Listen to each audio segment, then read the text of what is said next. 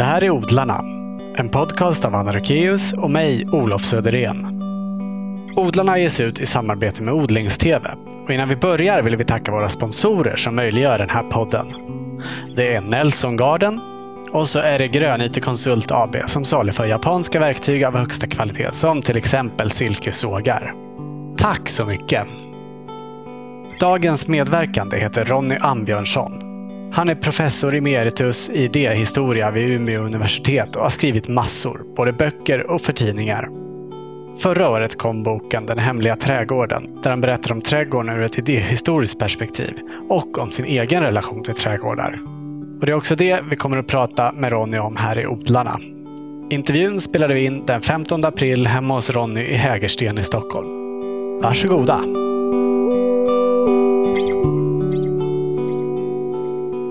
Du har just eh, kommit hem från Gotland. Precis, jag var där i en vecka då för att göra i ordning lite sådär inför sommaren. Ja, det är där du har din trädgård. Ja, nu är det ju bara då eh, på Gotland. Mm. I början var de ju två då. Till det hade vi då den här trädgården utanför Umeå, Taversjö. Det var också alltså en ganska stor trädgård. Men om vi tänker på eh, Gotland då. Mm. Hur stor är trädgården där? Ja, den var från början kanske 2500 kvadratmeter, men sen köpte vi till ett område och då blir det kanske tomten eh, 4-5 tusen meter sådär. Hur länge är det ni har haft det här stället? Första sommaren var nog 1973 tror jag, när vår äldsta tjej, eh, ja hon var väl knappt ett år då. Ja. Men till en början så var det inte så att jag höll på särskilt mycket med trädgården. Va? Det var ju så mycket annat att göra. Man har just fått barn och sådär. Och det var ju mycket det att man skulle åka ner till eh, stranden med dem och träffa andra föräldrar och sådär. Men rätt mycket så blev det som att jag smet undan. Jag tyckte det var så tråkigt att vara på stranden. jag, tyckte, jag tycker det är ganska härligt att bada, det gillar jag väldigt mycket. Men de, alla de låg kvar sådär va? och låg och pratade i stora grupper. Ja. Men det tyckte jag var lite tråkigt. Och då gick jag tillbaks eh, och eh, jag vill inte ägna tid åt egentligen läsa eller skriva eller sådär. Det, tycker jag, det kan jag fortfarande inte göra. Utan, utan när jag är där så är det trädgården då. Va? Och då var det väldigt mycket så att jag, jag hade ju sett trädgårdar förstås tidigare och lite grann tänkt på det. var inte något speciellt sådär upptagen av det. Men det var väl då att mina mor och farföräldrar de hade en sån här kolonistuga utanför Göteborg. Och där var jag ju ofta hos, mig, hos min morfar då och mormor. De ritade blommor och lärde mig liksom att rita de här blommorna med färgkritor. Och framförallt var det ju då fåglar som besökte trädgården. Och det var nästan det jag tänkte på först, att man ska göra en trädgård med buskar och så, så fåglarna har någonstans att dra sig undan. Va? För det var rätt mycket rävar och sådär då, lite vilt så när vi kom ner i början av 70-talet.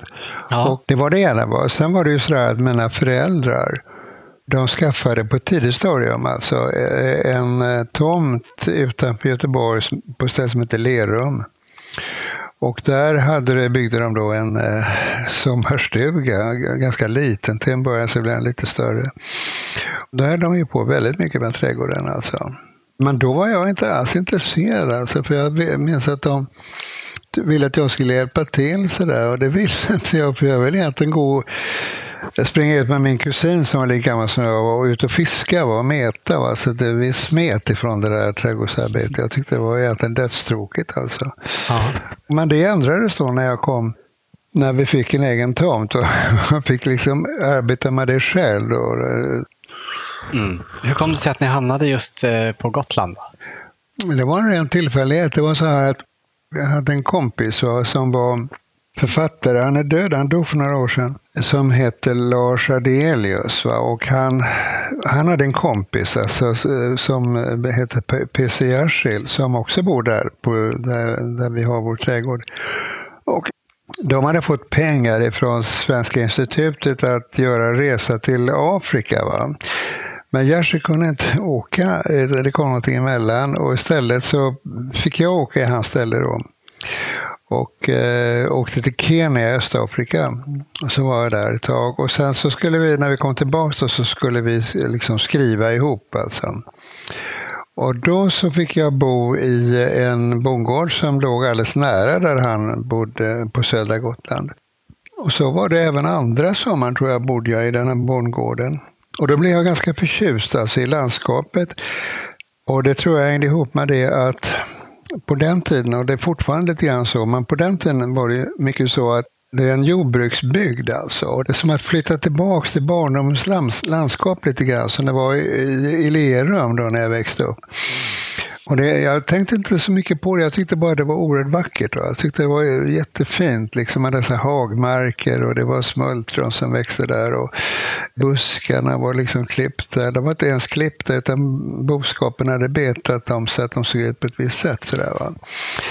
Så jag blev förtjust då i det och eh, så uppenbarade sig det här huset då som eh, var till salu, som hade legat hela sommaren till salu, hade det stått eh, då på en liten skylt utanför. Mm. Nu är det ju så att det kan ju inte, alltså så fort något hus blir ledigt och de ska sälja det så, så väljer folk liksom dit. Men den, den stod liksom den där skylten hela sommaren och jag gick väl och tittade på huset, men bara jag kom aldrig in i det. För jag ringde aldrig till mäklaren eller sådär. Va? Utan jag tittade in genom fönstret. Och, och det såg inte särskilt märkvärdigt ut. Det var, det var alltså en, själva gårdshuset till en, också det, till en bondgård, va? med en laggård som hörde till. Men så ringde jag till mäklaren som sa då, ja det är ju till salu och jag frågade vad, vad, det, vad det skulle kosta och så där. Och sa han 60 000 sa han då. Va? Och det låter ju mm. oerhört löjligt men på den tiden jag förstår inte hur jag skulle kunna få ihop 60. Jag har aldrig sett en tusenlapp en gång. Liksom. Jag tänkte inte på det att man kunde ta lån eller så. Va? Det var helt, helt främmande för mig. Va? Mm, så jag talade med kompisar från Göteborg om man kunde bilda ett kollektiv. Och det gjorde vi. Va? Så att vi, vi delade upp det där på tre delar. Och, och så bodde vi där tillsammans, alltså första sommaren och andra sommaren.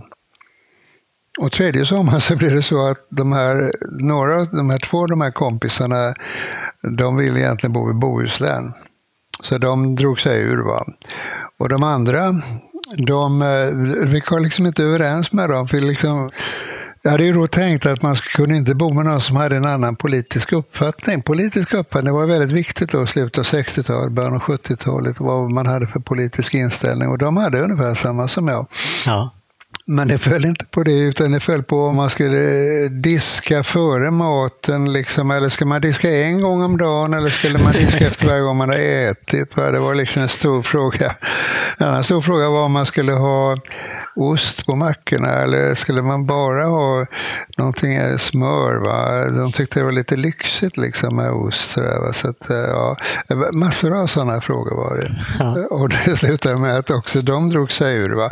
Man skulle då tycka att vi skulle kunna dra sig ur. Så där, va? Men dels hade jag ju hittat huset och dels var det också så att de blev också liksom ovänner på grund av det här med de här diskandet och sådär. För de såg då att de var en ganska så traditionell familj. Han gjorde nästan ingenting va? och hon liksom höll hela tiden på gång. Och vi, jag, hade, jag hade just träffat Lilian då, för jag var gift i Göteborg tidigare och uh, försökte skapa något mer liksom jämlikt. Va?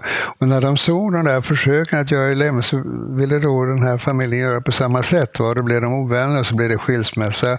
Och så tog vi över huset efter två år. Va? Mm. Och insåg att 60 000 var inte så mycket pengar egentligen. Det märktes nästan inte i ekonomin. Va? Nej. Så att så var det. Så skaffade vi huset. Ja. Är din fru Lilian också lika intresserad av trädgården? Inte lika intresserad som jag, det är hon inte. Nej. Det finns fördelar och nackdelar med det. Men mm. jag tror fördelarna överstiger nackdelarna. Ja, du får bestämma mig själv. Ja. Mm. I din bok Den hemliga trädgården så skriver du att det är spänningen mellan det vilda och det tama som eh, skapar mm. trädgårdens karaktär. Hur mycket vilt finns det i din trädgård?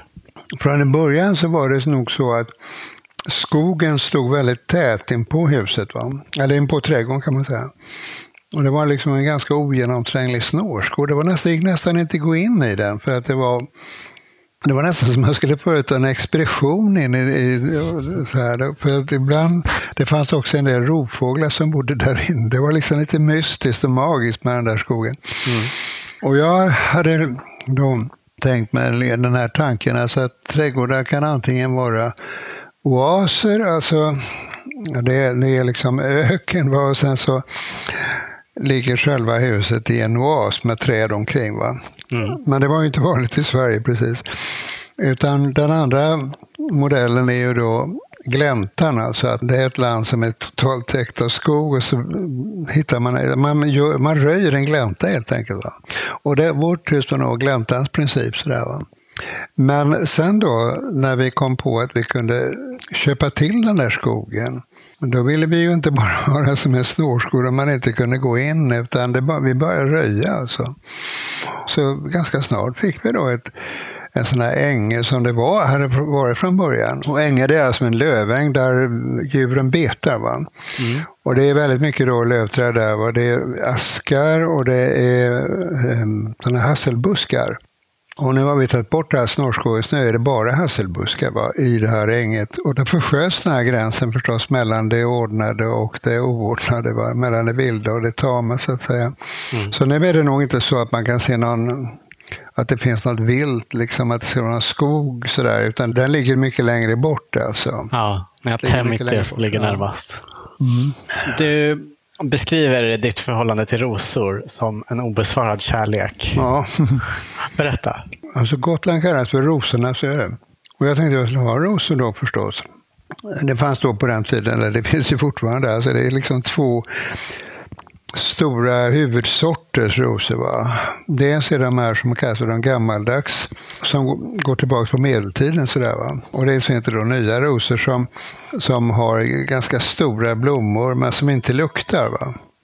Jag valde ju den här med att ha gammaldags rosor. De var ganska roliga för det var, fanns alltså årtal fästa på dem när man köpte. Va? Eh, 1611 kunde det stå liksom. Och på någon ros så var det liksom en ros som går tillbaks till rosornas krig i, i England och sådär. Och eh, Napoleons hustru hade en, ett hus utanför Paris där hon odlade rosor. Va? Så rätt mycket, det blev mycket historia. Va? Mm. Mycket kulturhistoria förknippad med det. Mm. Och då tänkte jag att jag skulle bygga då en, en, en rosenträdgård som jag skulle göra som i form av en labyrint. Va? Där man kunde liksom försvinna. Men, men det gick då inte så bra, va? utan de, de växte nästan inte. Va? Och de blev liksom kanske några decimeter höga sådär va. Men sen stannade de på den där och det berodde ju förstås på att det var sandjord. Va? Ja, de vill hellre ha lite lerigt va? Ja, de vill ha lera alltså. Och det här, det fanns ingen lera där. Det var bara alltså blandning av jord och sand. Mer sand än jord kan man säga. Så att då flyttade jag dem alltså till ett ställe på tomten eh, där det var inte så mycket sol, men lite mer lä och där det var fuktigare och lite mer mossigt. Sådär, va? Och då så blandade jag upp dem med rosor som är jävligt så här, tåliga, som heter vresrosor. Och som inte är något speciellt roliga, de finns utanför alla järnvägsstationer och de växer i sådana här eh, rondeller och så. Va? Så blandade jag upp de här fina rosorna från från Napoleons tid liksom med de här vresrosorna. Och så, så får de liksom hålla till då i ett hörn av, av trädgården. Och där växte de väldigt snabbt alltså upp. Och eh, bildade alltså inte, ja, det, var, det är klart labyrinten var ju omöjligt, man kunde inte ta sig in i liksom det här snåret för det var liksom så, så fullt av rosor och de var så vilda. Liksom, så det, det är snarare att det är som en vildheten som har tagit över där. Va? Men fortfarande är det ju då en vildhet som är ganska begränsad till en del av området. Va? Mm. Så jag upplevde väl det att jag misslyckades som ros rosenodlare. Men vissa då sorter tog sig till exempel så placerade vi någon sån här gammaldags klätterros på huset som hette Helena och som också, också kallas för honungsros. Och den växer otroligt eh, frodigt och sådär. Va? Ja, men då blev det mycket, och då hade jag inte heller tänkt på, jag tänkte att det skulle ju räckt med en ros, men jag köpte fyra sådana rosor längs eh, huset. Va? Och de tog nästan över, va? så det blev liksom så överväxta rosor. Så, va? Och det blev typ omöjligt liksom att sköta dem där, för att de skickade ut så grenar på en två, tre meter varje sommar. Va? Och det så blev hela vägen täckt och fönstren fick man klippa fram och sen välde de ut över taket och sådär. Och sen när vi skulle måla om huset var vi tvungna att klippa ner dem.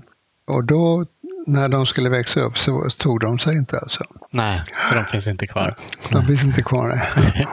Jag har också förstått att du har lite relationsproblem med gräsmattan. Ja, det har jag väldigt mycket. Min fru och barnen tycker jag är löjlig med den här gräsmattan. För jag, jag är väldigt upptagen av den. Uh, och, och, det är så där, eftersom det är den här sandjorden, va, då blir det liksom, när det är torrt, vilket ja. det ofta är, det är väldigt fint sådär klimat för den som liksom vill ligga och bada. Va? Så men för den som håller på med trädgård så är det inte lika bra. Nej. Utan, och då blev det, alltså bitar av gräsmattan blev eh, sandiga. Alltså, på, på sommaren så är det så att gräsmattan blir ofta gul rakt igenom. Va? Då är det För så, så att torr, alltså. när det börjar regna så, så blir den grön igen. Va? Men, men inte hela, utan det var kvar bitar som aldrig tog sig riktigt. Va? Och då måste jag, jag måste hitta på någon metod där jag kan byta ut den jorden som var på de ställena. Va? Och eh, ja, på det här sättet gick, höll jag på hela tiden med gräsmattan. Va? Och det blev inte bättre och vår granne då som hade köpt den laggård som hörde till vårt hus. Va? Hon var inte alls intresserad av trädgård. Va? Men hon struntade liksom bara i gräsmattan. Va? Och det blev jättebra. Va? Men, mm, den trivdes bättre när man inte ja, daltade med den. Det var mycket bättre. Hon lät den vara i fred. Va? Om vi återgår till rosorna. Är det din favoritblomma? Nej, det kan jag inte påstå att det är längre. Det var från början. Vilken är det nu då? Utan nu är det nog en blomma som tar sig överallt. Eh, och det är stockros, som ju inte egentligen är en ros. Den planterade vi in kanske en eller två då en sommar, inte så länge sedan, kanske en 10-15 år sedan bara. Mm. Och den frör av sig hela tiden, alltså på mm, sensommaren och på hösten. Och de fröna hamnar lite eh, var som helst. Och var de än hamnar så växer de alltså. Så det växer stockrosor över hela alltså, grönsakslandet blir det då fullt av stockrosor och på andra ställen där eh, det är stockrosor överallt. Va? Och de är lite rustiga också för att de är inte bara då livskraftiga utan de är promiskuösa. Va? Så att olika färger blandar sig med varandra och skapar helt nya färger som man liksom inte sett. Till exempel en blandning mellan svart och rosa så där kan vara. Och eh, egendomliga nyanser av gult och ja, det är ganska roligt alltså. Aha, kul att få bli överraskad ja, när det dyker upp nya färger. Ja. Men det är, samtidigt är det ju lite jobbigt eftersom de, man, man kan ju inte ha dem stående överallt, för då snubblar man ju på dem. Mm. Så man är ju tvungen att ta bort en del. Och det, Ja. Men när ni hade två trädgårdar, både utanför Umeå och på Gotland, ja. var det inte svårt att dela sin tid mellan de här två? Jo, ja, egentligen inte så svårt därför att eh, den här trädgården som hade utanför Umeå, den skötte sig väldigt mycket själv. Alltså. Mm. Och av någon konstig anledning så hade vi hade stora liksom, rabatter där med stora gula blommor som heter korsört. Och det var stora buskage och sådär. Men det kan nästan ha varit så att jag struntade rätt mycket att hålla efter den trädgården. Det blev ungefär som eh, våra grannar då på Gotland. Så att det blev mer naturligt. Sådär, va? Och vi är alltid förvånade när vi kom tillbaka ifrån Gotland då på hösten. Att det var så fint som det var. Va? Buskar växte upp och eh, rabatter växte upp och, ja, lite grann fick man jobba med den på våren. Va? Men sen när vi flyttade till Gotland då, i, i början av juni så, där, så hade man gjort klar den här trädgården. Va? För det var som ingenting mer att göra på den. Nej. Och så kom vi till Gotland som, där det var väldigt mycket att göra och hela tiden mycket att göra. Va? Alltså det växte på något sätt bättre där i, i Västerbotten än vad det gör på Gotland. Ja. Det är inte alls sån här jätte...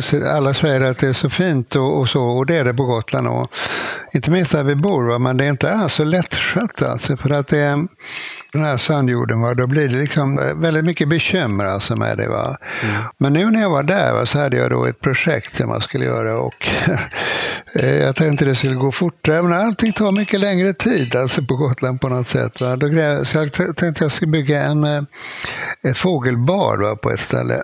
Men sen så greps jag på något sätt av, av grävandet när jag höll på med det där. Så att eh, eh, jag fortsatte att gräva utan att egentligen tänka på vad jag gjorde. Va? Så att det blev, det blev väldigt liksom, djup. Va? Det blev nästan en meter djupt sådär, va? och det var alldeles för djupt. Ett fågelbo som bara ska vara kanske två decimeter. Så jag fick fylla igen den där gropen.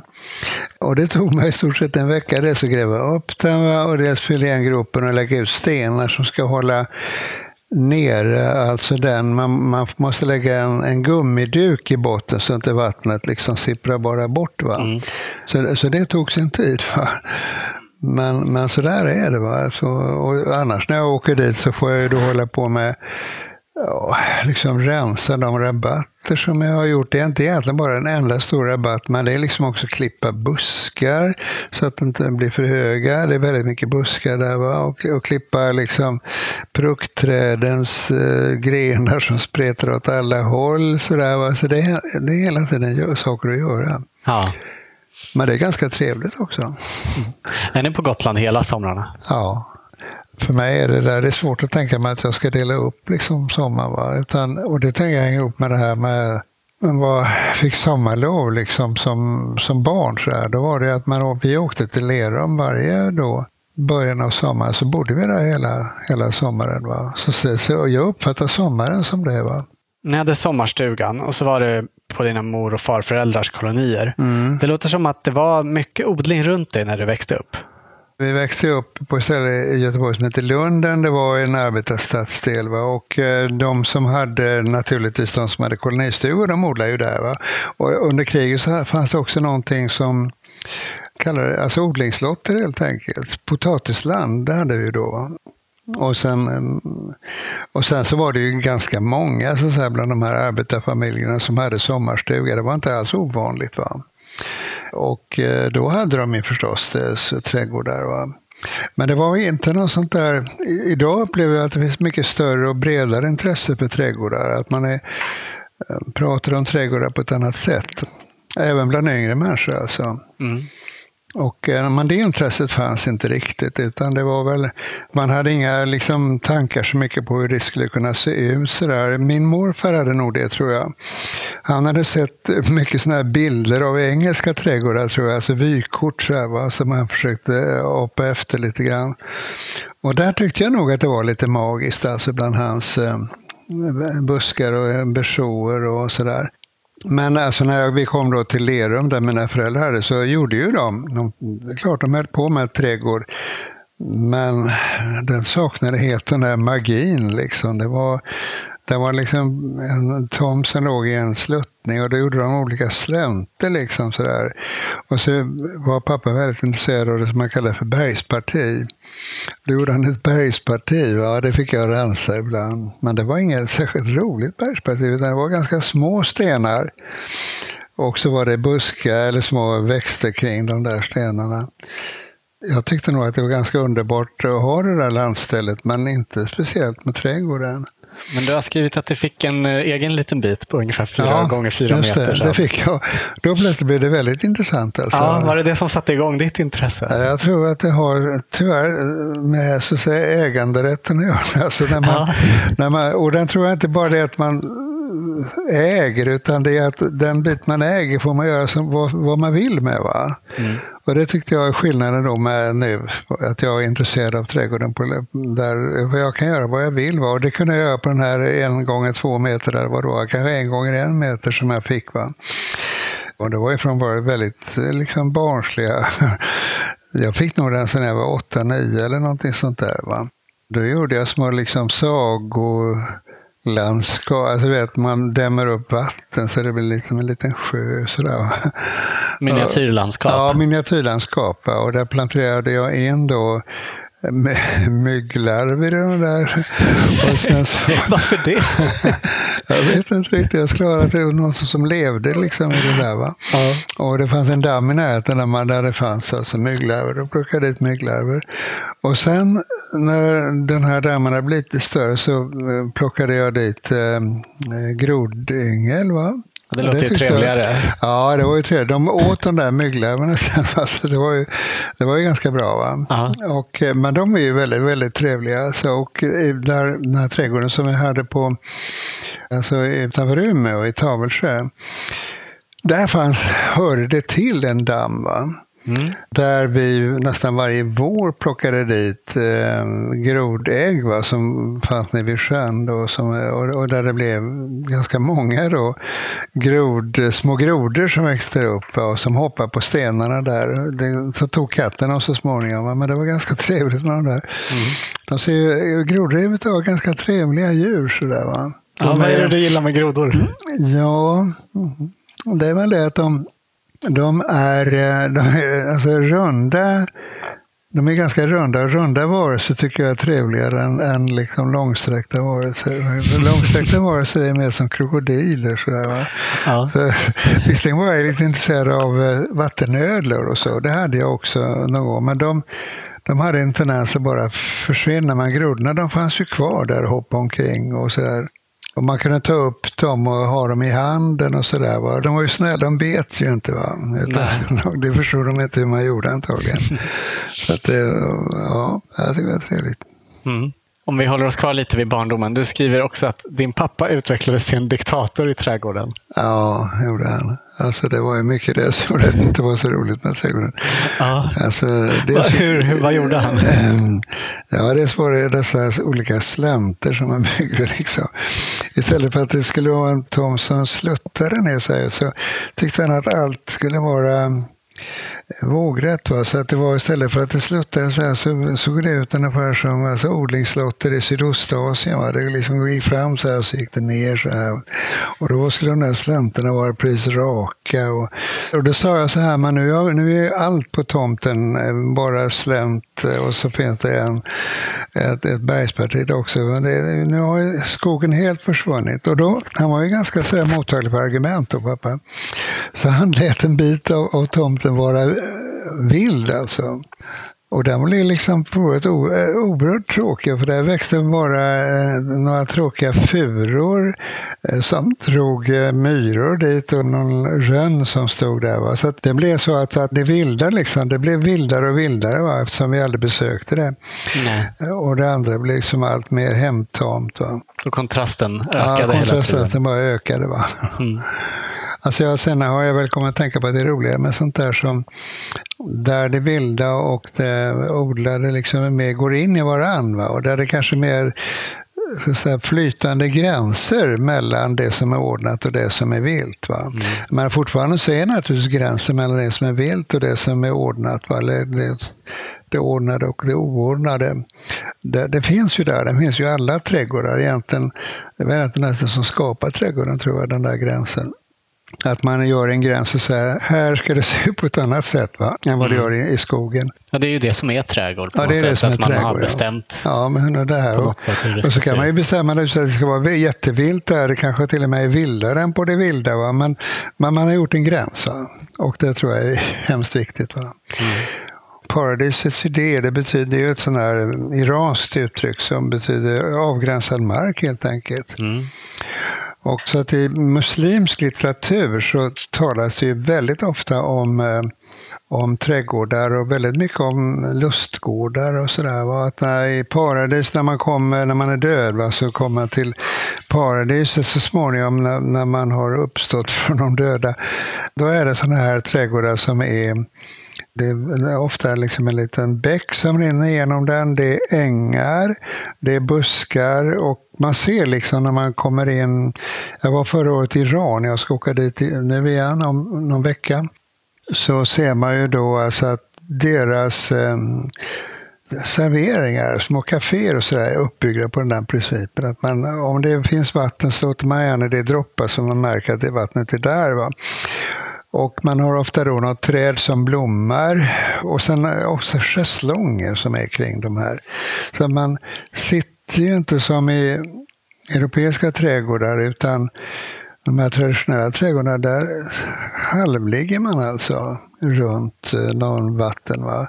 Mm. Men kanske en karpdamm eller någonting. Va? Och det tycker jag, den drömmen kan jag förstå. Alltså jag tycker det, för det är ju så torrt torrt. I Iran i varje fall är väldigt torrt och det är ju torrt på andra ställen också i Mellanöstern. Ja. Är det för att studera trädgårdar som du ska åka till Iran? Eh, nej, det är det inte. Nej. Jag hade en elev som så småningom blev professor i islamsk filosofi i Uppsala. Och han och jag håller på att skriva på en bok som ska handla om islamsk eh, idéhistoria. Och därför åker vi delvis dit. Va? Men det är också så att då kopplar vi på en ska säga, lite mer sällskaps, eh, sällskapsresa är det inte, utan det är en resa som, där folk som är intresserade av eh, muslimsk historia liksom reser på. Då har vi liksom små, ja, små föreläsningar om det. Va? Spännande. Vad jag har förstått så var det också i Mellanöstern som trädgårdar så som vi känner dem föddes en gång i tiden. Ja, alltså, jag tror alltså att eh, den här europeiska för det är klart det finns ju en, en eh, ostasiatisk trädgårdskultur som utgår, ja, dels från Kina förstås, från Japan och den ser ju lite annorlunda ut. Va? Mm.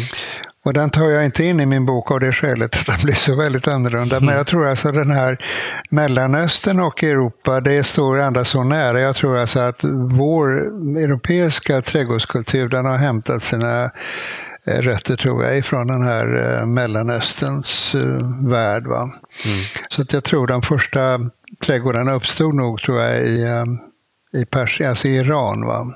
Och det står ju väldigt mycket i Koranen om detta. Mm. En fråga till om mm. barndomen. Du skriver i slutet av Den hemliga trädgården mm. att du har ett par minnesbilder från barndomen av trädgårdar. Ja. Vill du berätta om dem?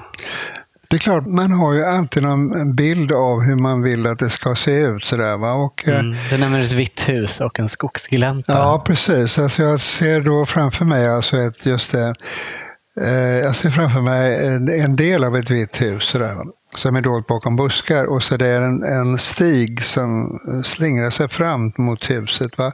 Och det består inte av någonting annat än den bilden. Va? Och själva det vita huset är väldigt starkt belyst, va? buskarna är väldigt mörka och så den här stigen som går fram till det. Det är en sån här bild jag har. Va? Mm. Och alltid när jag åker runt sådär, varje vår åkte vi ner då för sommaren va? och åkte vi genom Sverige och hälsade vi på kompisar på vägen. Och så när jag, ibland kunde jag rycka till för att det var just den här bilden bilden av ett hus bakom en stor buske och en stig som ledde fram. Sådär, va? Mm. Och vid något tillfälle när vi kom, jag kommer ihåg vi var utanför Vadstena. Jag ägnade då min doktorsavhandling åt Ellen Key som har ett hus då i Omberg. Va? Mm. Och eh, vi var och tittade på det där då. Det, det gjorde jag flera gånger då. Och när vi åkte därifrån så nära kom man nära den här fågelsjön Tåken. Och då kommer jag ihåg att vi, något ställe där tjejerna var kanske åtta, nio, sådär, kring tio kan man säga. Så, så satt de där bak i bilen och det var ofta lite bråk mellan dem och sådär. Men då så sa jag att här skulle, jag skulle vilja bo här. Vi, skulle, vi, borde, vi kanske skulle slå oss ner här. Va? Och Lilian sa, min fru då, sa att ja, hon kunde kanske kunna få jobb i Linköping va? som psykolog. Och det var inte alldeles omöjligt. Va? Och de ville att jag skulle komma till universitetet där. Det var kring 1980 ungefär tror jag. När det här hände. Och då sa jag, här skulle man ju vilja bo. Alltså, med den här sjön då i närheten. Och eh, skulle jag vilja bo i ett stort gult eller vitgult hus, men gärna med en liten ton på. Va? Och eh, relativt stort ska det vara. Så där, va? Och så ska det vara utsikt över Tåken och Omberg som ligger en bit därifrån. Då. Och sen när vi körde där så såg vi en skylt va? där det stod säljes. Och så var det ett hus som var vitgult med lite torn på. Och så stod det säljes endast till barnfamilj svarat sådär, det är det telefonnumret.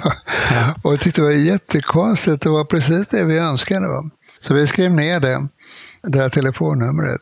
Och så åkte vi sen hem långsamt genom landet och kom så småningom fram då.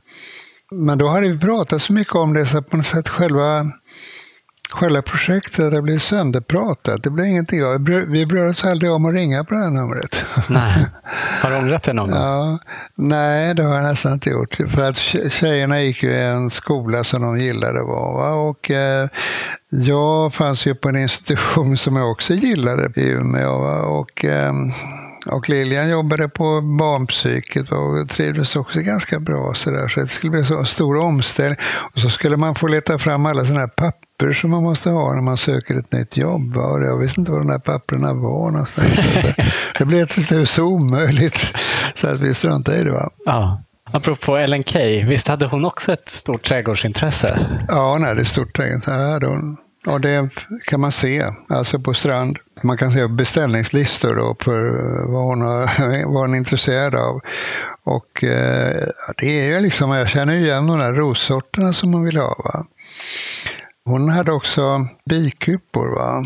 Eh, som nog fortfarande också finns kvar. Men hon var nog hon var väldigt upptagen av sin trädgård. Va? Och det växande var liksom viktigt i hennes eh, filosofi. Så där. Hon tänkte sig att eh, Gud fanns inneboende i naturen. Hon var panteist. Va? Gud fanns inneboende i naturen. och så där. Det var liksom viktigt. Och det var väldigt mycket växter inomhus. Eh, som hon hade speciella såna här små bord som hon hade låtit göra, som, som var ganska fina. Det var liksom, som stod framför fönstren. Det var liksom sådana här halvcirklar va, som, som var ganska bred längst ner och så kom det liksom lite mindre och så, så gick det upp ungefär till den här höjden. Och så, ah, som en trappform? De, som en trappform det var ofta sån här murgröna eller någonting som välde ut över det där. Va? Så att hon tänkte ju nog mycket på det. Så att det är klart, det påverkade mig nog lite grann det också tycker jag. Mm. Eller också snarast är det väl det att vi hade samma intressen alltså på något sätt. Va? Mm. Jag förstod henne rätt mycket. Alltså det är ju, hon är ju liksom en tänkare som är lite miss... Eh, det är inte många som sysslar med henne. Och de som gör det tror jag inte riktigt förstår henne. Alltså. Men jag tyckte jag man förstod Ellen Key. Mm. I Den hemliga trädgården så skriver du också om trädgårdens terapeutiska inverkan. Fungerar din trädgård som terapi för dig? Ja, det gör den ju faktiskt.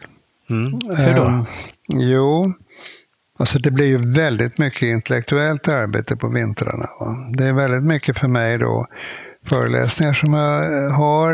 Mm. Jobbar du mycket fortfarande?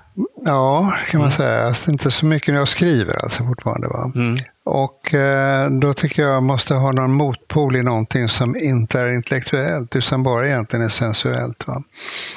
Och då tror jag att trädgården fungerar på det sättet. Men sen tror jag också att det är för folk som, jag menar, jag har besökt de här terapiträdgården i eh, Malmö på Alnarp. Och det var ju många då som hade ångest och eh, tvångssyndrom av olika slag. Va? Och som kunde faktiskt bli av med dem genom att gå, att det var ganska långa sådana här sessioner, de fick ha 12 veckor och följa en växtsäsong, eh, plantera och så se hur det utvecklades. Va? Också det här att man, alltså trädgården den kräver ju tid. Alltså man kan inte skynda på trädgården för den, den har sin rytm. Den är redan bestämd. Alltså. Och det, man, jag menar de som är tvungna att gå i raka korridorer då, som tjänstemän. Så där, va? De, de måste vänja sig vid liksom, linjer som inte är lika raka. Så, så att det är väldigt mycket en annorlunda värld, trädgårdens värld, som man måste förhålla sig till. Och ehm, det var också rätt mycket sådana här stroke-patienter som hade varit så hade svårt att röra sig. Så där, som lärde sig då att eh, ta hand om eh, växter så där, med händerna. Då. Så att det finns ett sånt eh, starkt terapeutiskt liksom, inslag i trädgården. Och, och det finns ju en rad sådana här trädgårdsterapier kring mm. vad man ska göra. Det är väldigt intressant. Jag tror vi ska försöka ha med någon i odlarna snart som jobbar med ja. terapiträdgårdar. Ja, det, det vore spännande bra. För jag tror det, det, är någonting som kommer att växa mer och mer. tror jag. Alltså, ja. Det är jättebra om ni får med det. Ja. Du har berättat att din dotter Nadja är funktionshindrad och ja. inte kommunicerar på samma sätt som vi. Ja, hon är ju då väldigt handikappad. Alltså. Ja. Jag har förstått att trädgården har ett språk som ni förstår båda två. Ja, det har den. Alltså, det, det är ju det att hon, hon känner ju dofter va? och sen tror jag att hon hör ljud. Alltså det, däremot så tror jag inte hon ser så bra. Hon kan inte se så bra överhuvudtaget. Hon, hon ser alltså med, med ögonen, men jag tror inte hon kan tolka riktigt vad hon ser. Alltså, så att hon, eh, okay alltså det är möjligt att hon upplever färger och sådär, och det tror jag att hon gör. Och så det där ihop då med ljuden från löven som prasslar och insekter som flyger förbi och sådär. Det tror jag liksom är upphetsande för henne. Hon tycker det är spännande. Alltså. Ja. och det, jag tror också att det här att man, ska, man måste tänka ut vad, vad kan hon uppskatta för någonting och sådär. Vad är det för ljud hon uppskattar och vad är det för rörelser? Vad, gillar hon när det blåser? Så där måste man tänka väldigt basalt alltså. Eh, och det har, tror jag betytt en hel del alltså för oss. Va? Mm. Mm. Du skriver en del i Den hemliga trädgården också om Epikuros som levde för mer ja. än 2000 år sedan i Aten. Ja. Och eh, epikuréernas relation till trädgård. Ja. För de som inte har läst, vill du berätta lite om dem? Ja, man vet ju inte någonting om hur det kan ha sett ut i den där trädgården. Varför man vet inte ens var den har legat. Men den har legat ehm, Förmodligen har den legat i själva Aten, kanske innanför eh, stadsmuren. Men däremot så vet man ju, känner man ju till de tankar som som Epikuros förde fram. Va? Och då är det liksom två inslag i det hela. Det är det att man kan odla väldigt mycket mer än det som växer i en trädgård. Alltså man kan odla till exempel vänskap och då skriver han väldigt mycket om vänskap. Och vänskapen ska man då inte ta för given utan den måste odlas. Alltså man måste om man är borta från den här vännen så måste man skriva till vännen och fråga hur han eller hon har det. Va? Och och det är också en sak som man är väldigt upptagen av, är det här alltså att folk är så rädda för döden. Va? Vilket då hängde ihop lite grann med att de trodde att det kom an, ja, föreställningar om ett annat liv efter döden. Och de skulle liksom vedergälda vad de hade gjort liksom i det här livet. Och han säger att döden är ingenting. Alltså det är bara att vi slocknar. Det finns inget efter döden. Vi bara slutar att existera. Det är inget att vara rädd för. Va? Jag misstänker att folk är lite rädda för det, att de ska sluta existera. Men det tänkte han inte på. Va? Nej. Så att det, är, det är de två tankarna som varieras i, i hans eh, filosofi. Va? Och uh, jag tycker det också kan säga oss en del. Va? Och eh, då tar han också tankar på alltså att eh, allting på jorden som lever, ja, det är nästan ett villkor för att det är levande, är att det också är dött. Va? Allt levande kommer att dö. Va? Mm. Det ser man ju tydligt i en trädgård. Ja, och mm. där inser man ju liksom när man håller på med trädgården att det som nu blomstrar, det kommer att om några veckor vara borta och dö. Mm. Och, och då lär man sig leva med både det som växer och kanske föds på nytt och som dör. Va? Att eh, liv och död ingår i liksom hela tiden i olika kombinationer med varandra i en trädgård. Va? Mm. Det tror jag har en terapeutisk liksom verkan. Va? Mm. Hjälper din trädgård dig att uthärda ja, tanken på döden? Alltså jag har ju aldrig tänkt särskilt mycket på döden, så jag tror inte att men jag kan föreställa mig att, att det skulle göra det för många människor.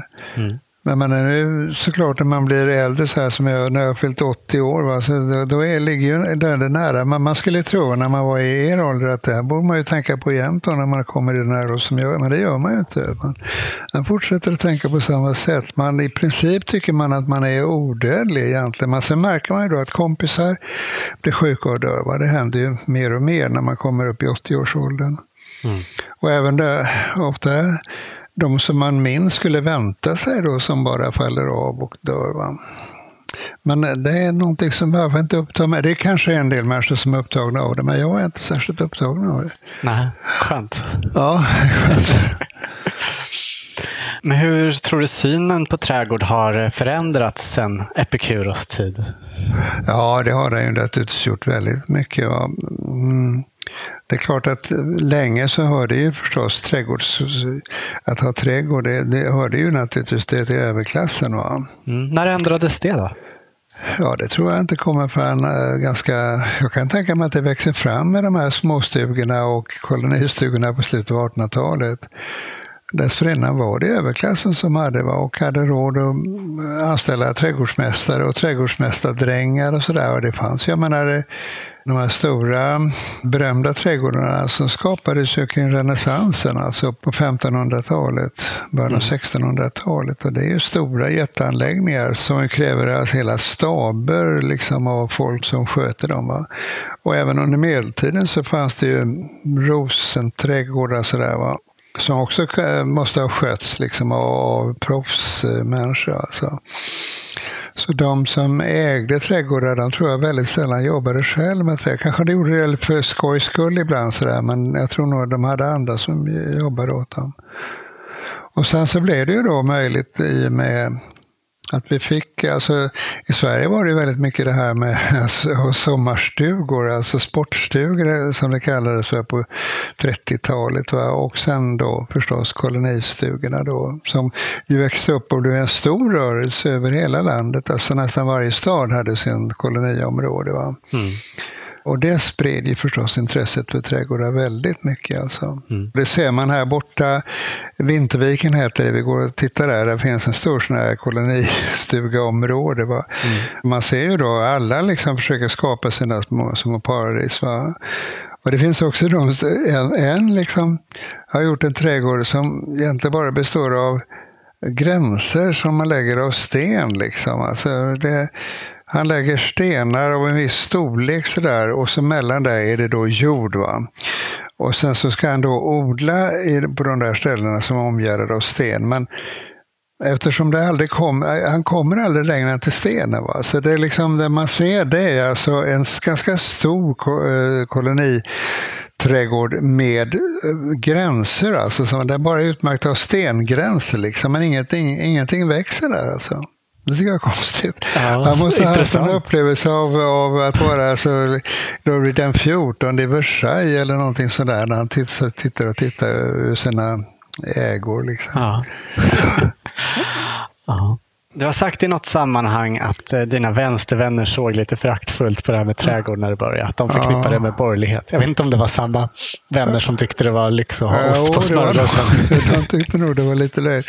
Alltså att jag skulle börja hålla på med trädgård. Va? Och de tyckte alltså att man kunde ägna sitt liv åt andra saker. Att man kunde välja liksom vad man kunde göra. Det var bättre att sätta sig då och läsa på ett område som man sen kunde skriva om och sådär. Men mm. jag jag har alltså haft väldigt svårt att överhuvudtaget göra något intellektuellt arbete på sommaren. Alltså jag kan inte vare sig läsa eller skriva. Och de här andra vännerna jag har, de, de är inte speciellt intresserade av trädgårdar. Utan de förstår inte hur jag kan låta en sån här fantastisk tid, det kan ju vara nästan tre månader, gå utan att egentligen göra någonting alls. Va? Som de uppfattar det. Men då håller jag ju på med trädgården. Va? Och skrivandet, det tycker jag, det liksom hör till en annan sfär. Det, liksom, det har inte med sommaren att göra egentligen, va? tycker jag. Utan sommaren tycker jag är en, en sensuell eh, årstid. Va? De har utvecklat de här sensuella sidorna som vi alla människor har. Va? Mm som hänger ihop med, för mig med det växande och så. Alltså. Idag känns det också som att trädgård är ganska oborgerligt. Att, ja. att det kanske snarare är så att folk odlar lite som en protestaktion. Ja, eller för att lyfta jag. miljöfrågor. Eller ja, sådär. det tror jag. Det, det är de som ser man där i Vintervikens trädgård. Det det är nog väldigt mycket så, um, miljöfolk, tror jag att det är mycket. Va? Ja. Eh, och som ser det som lite grann en protesthandling och så. Mm. Du har skrivit att det från början tvärtom fanns en tanke på att koloniträdgårdarna skulle dämpa revolutionära strömningar. Ja. Berätta. Alltså folk, de som var så att säga, radikaler och revolutionärer på 20 30 de tyckte väl alltså att det här, den här revolutionära glöden den skulle försvinna i trädgården därför att folk skulle liksom tycka det var så trevligt att vara där så de skulle liksom sluta och gå och demonstrera och kräva ja. sina rättigheter och sådär. Det ska man ju säga, det kan ju ligga någonting i det. Va? Mm. Men samtidigt får man inte då glömma av alltså att det var ju väldigt mycket självstyrande områden där, koloniträdgården. Alltså det var ju uppbyggt med, alltså man hade ju då sådana här eh, koloniföreningar där alla skulle vara med och fatta beslut och man skulle lära sig liksom hur man gör och vilken som ska vara ordförande och hur man ska lyssna på argument och så. Det var som en stor demokratisk rörelse som ju blev ett led, tror jag, då, i socialdemokratins liksom, utveckling. Va? Och som ju då kommunisterna inte uppfattade som eh, revolutionärt. Va? Nej. Eh, utan det är någonting som får folk liksom att nöja sig med det de har egentligen. Mm. Men alltså jag tror nog att den har haft en, en, en roll i demokratins utveckling. Va? Kan man ha olika uppfattningar om demokrati, men jag tycker, jag tycker ju det är det viktiga. Va? Jag har liksom svårt att tänka mig att ett kommunistiskt samhälle skulle vara så särskilt trevligt att bo i. Alltså. Leva i. Utan det är väl bra som det är i Sverige. För att, för att det är klart att um, skulle, man skulle gärna vilja att det såg annorlunda ut. Och, man skulle gärna vilja eh, omfördela liksom på ett annat sätt. Sådär, va? Men, mm. men kommunismen har ju inte visat sig särskilt gångbar egentligen. Va? Men det är ju svårt att tänka sig ett annat styrelseskick som skulle funka bättre än demokrati. Nej, nej, visst är det ju så. Du skriver också om en politiker som hette Anna Lindhagen som var drivande i kolonirörelsen under tidigt 1900-tal. Som också var självutnämnd smakpolis.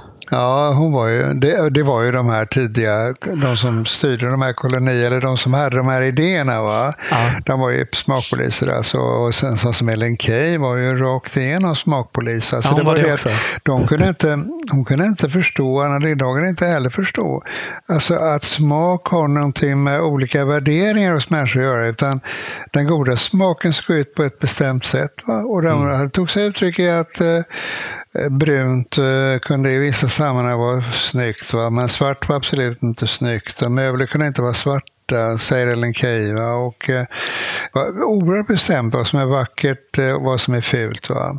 Mm. Och Anna Lindhagen tyckte ju då att man, som här kolonistugorna, de fick inte ha vilken färg som helst för att en del färger var ju fel, kunde hon säga. Va? Alltså, estetiskt fel, va? och det vill säga fult. Va?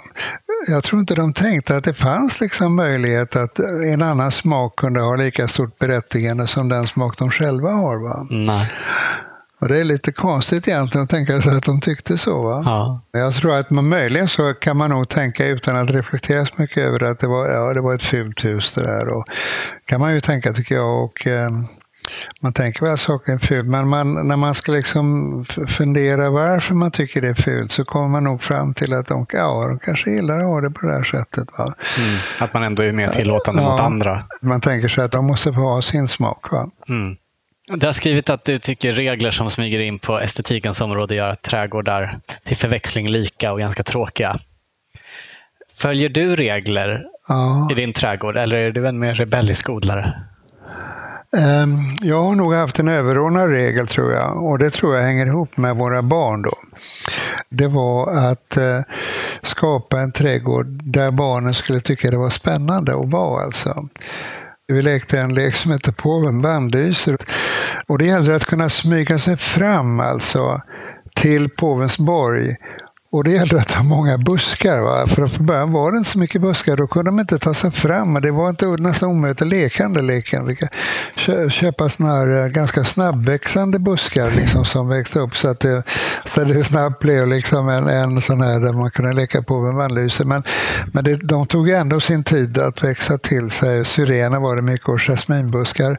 Mm. Så att när de hade kommit, vuxit upp och så, här, så var det nästan var ingen som ville leka den här leken längre. Ja, de hade vuxit ifrån det? Då? Ja, de har vuxit ifrån det. Men det var nog en regel som jag följde. Va? Alltså att det skulle vara möjligt att leka och också att det skulle vara möjligt att kunna bygga kojor i träden var också en sån där. Och det gör, nu är det ju då barnbarnen som gäller. Va? Nu finns det uppvuxna buskar till dem ja. i alla fall. Vilka är dina största trädgårdsinspiratörer? Ja, det är ju svårt alltså. Um, jag vet inte ens om de har några namn. Vi gjorde en resa i England och åkte runt och tittade på trädgårdar. Vi var i eh, ett ganska berömt trädgård som heter Sissinghurst som ligger utanför London. En, ja, man får ta tåget en bit, va? det ligger, men det ligger ganska nära. Va? Där en person som heter Vita Sackville West, eh, hade, hon hade liksom det, hennes skapelse och, eh, tillsammans med sin man. Då, den tyckte jag var, är väldigt fin, men den är ju för stor för mig. Va? Sen fanns det mindre då, trädgårdar och de kommer jag inte ens ihåg vad de som hade skapat. Jag tycker, liksom bättre, jag tycker de här stora anläggningarna, det blir för stort och mastigt för mig. Alltså. Mm. Jag tänker mig nog eh, fortfarande att den fina, genuint fina trädgården, det är liksom den förstorade kolonislotten. Liksom. Att det är liksom fint. Och det finns ju en, eh, har ju en engelsk beteckning, det kallas ibland för cottage garden, stugträdgård. Det är ju då hemskt mycket, alltså kanske mer blommor än vad jag skulle vilja ha. Alltså det, för det är väldigt ofta sådär att man har stora breda rabatter med en väldig massa olika blommor i, för man har ju inte så stort område. Liksom. Utan jag tycker nog att det är ganska roligt med, i med de här, alltså där det är mer gröna växter och mer um, där det gröna får lite större utrymme. Va? Och också jag, tycker, jag kan ju vara förtjust i de här ostasiatiska trädgårdarna, jag tycker ju alltså att japanska trädgårdar kan bli fantastiskt fina. Mm. Eh, där de tar fram sådana material som mossa och sten till exempel. Va? Men den här cottage garden som du beskriver, mm. var det så din morfar hade det på Delsjökolonin? Ja, den tror jag att det var en sådan. Jag, vet, jag tror att han, han visste ju inte ens att det var en cottage garden va? och han skulle aldrig kunna förstå vad det betydde och hur det skulle uttalas. Men jag tror att han hade sett vykort på cottage gardens. Va? Och det var liksom att det var rätt mycket sådär rikt. Va? Det var överflödande på något sätt. Sådär, va? Det tror jag han, han skulle gilla. Va? Och sen också det här att det var på det lilla området som jag inte nu kan minnas som så litet, men det måste ha varit ett ganska litet område. Mm. Där fanns det också alltså lite mörkare, alltså det fanns äpple och päronträd och under dem var det ju inte några växter utan där var det liksom lite mer fuktigt och lite mer magiskt. Sådär, va? Och den där blandningen av väldig rikedom av blommor va? också någonting som var lite sådär magiskt eh, dunkelt och, och så. Va? Ja. Det tycker jag, den där, alltså jag, jag gillar nog trädgårdar med, som är uppbyggda på, med olika saker som står emot varandra. Va? Är det inte så att det nästan krävs uppvuxna träd som gör att ja, det blir lite det. dunkelt under för att en trädgård ska bli sådär magisk? Ja, det tror jag också. Alltså, det är svårt att få de här små äppelträden som tar 20-30 år på sig att bli magiska. Ja. Så det, nej, men jag tror nog att eh, vår trädgård där uppe utanför Umeå, den var lite magisk. Men det berodde nog på att från början så fanns det uppväxta syrener och uppväxta, det var inte så mycket äppelträd i och för sig, men det var olika buskar av olika slag. Va? Och där barnen kunde leka, och de kröp in bland buskarna och eh, mitt i buskaget kunde det bli öppna sig små gläntor så, här, så där de kunde sitta. Va? Och, Eh, på Gotland är det också en blandning av magisk stora buskar med liksom ganska stora eh, ytor av gräs och så. Mm. Du nämner ofta trädgård i samma meningar som lek, lust, lycka, ja. närvaro. Är det alltid positivt för dig med trädgård? Ja, det kan jag ju inte påstå. Alltså att det, är det. Alltså det, är ju, det går inte att komma ifrån att det är inget roligt egentligen att hålla på och rensa en stor rabatt. Det är det inte. Alltså. Eh, och framförallt när man blir liksom mer orörlig som man när man blir äldre. Va? Jag, man får krypa på knäna och det kan jag, när jag väl kommer ner på knä så kan jag krypa omkring. Va? Men när jag ska stiga upp från det här knästålet så tar det emot. Och, mm. och, så går man ju ofta där och, och rensar när det är vackert väder på sommaren.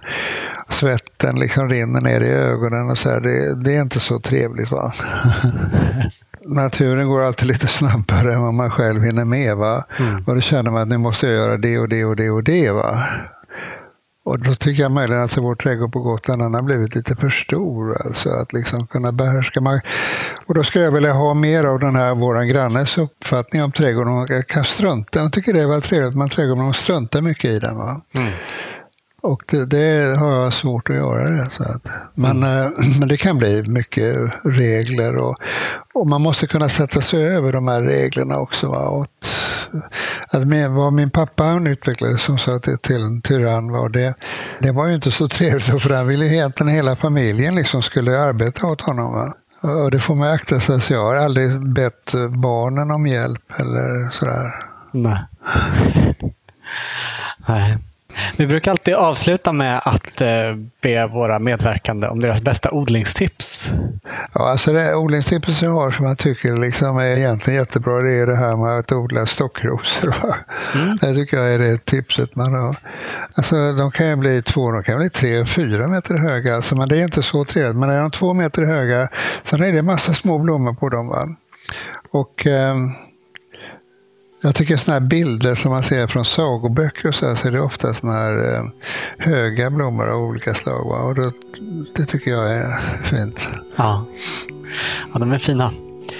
Du, tack så jättemycket för att du tog dig tid för att vi fick komma hit. Ja.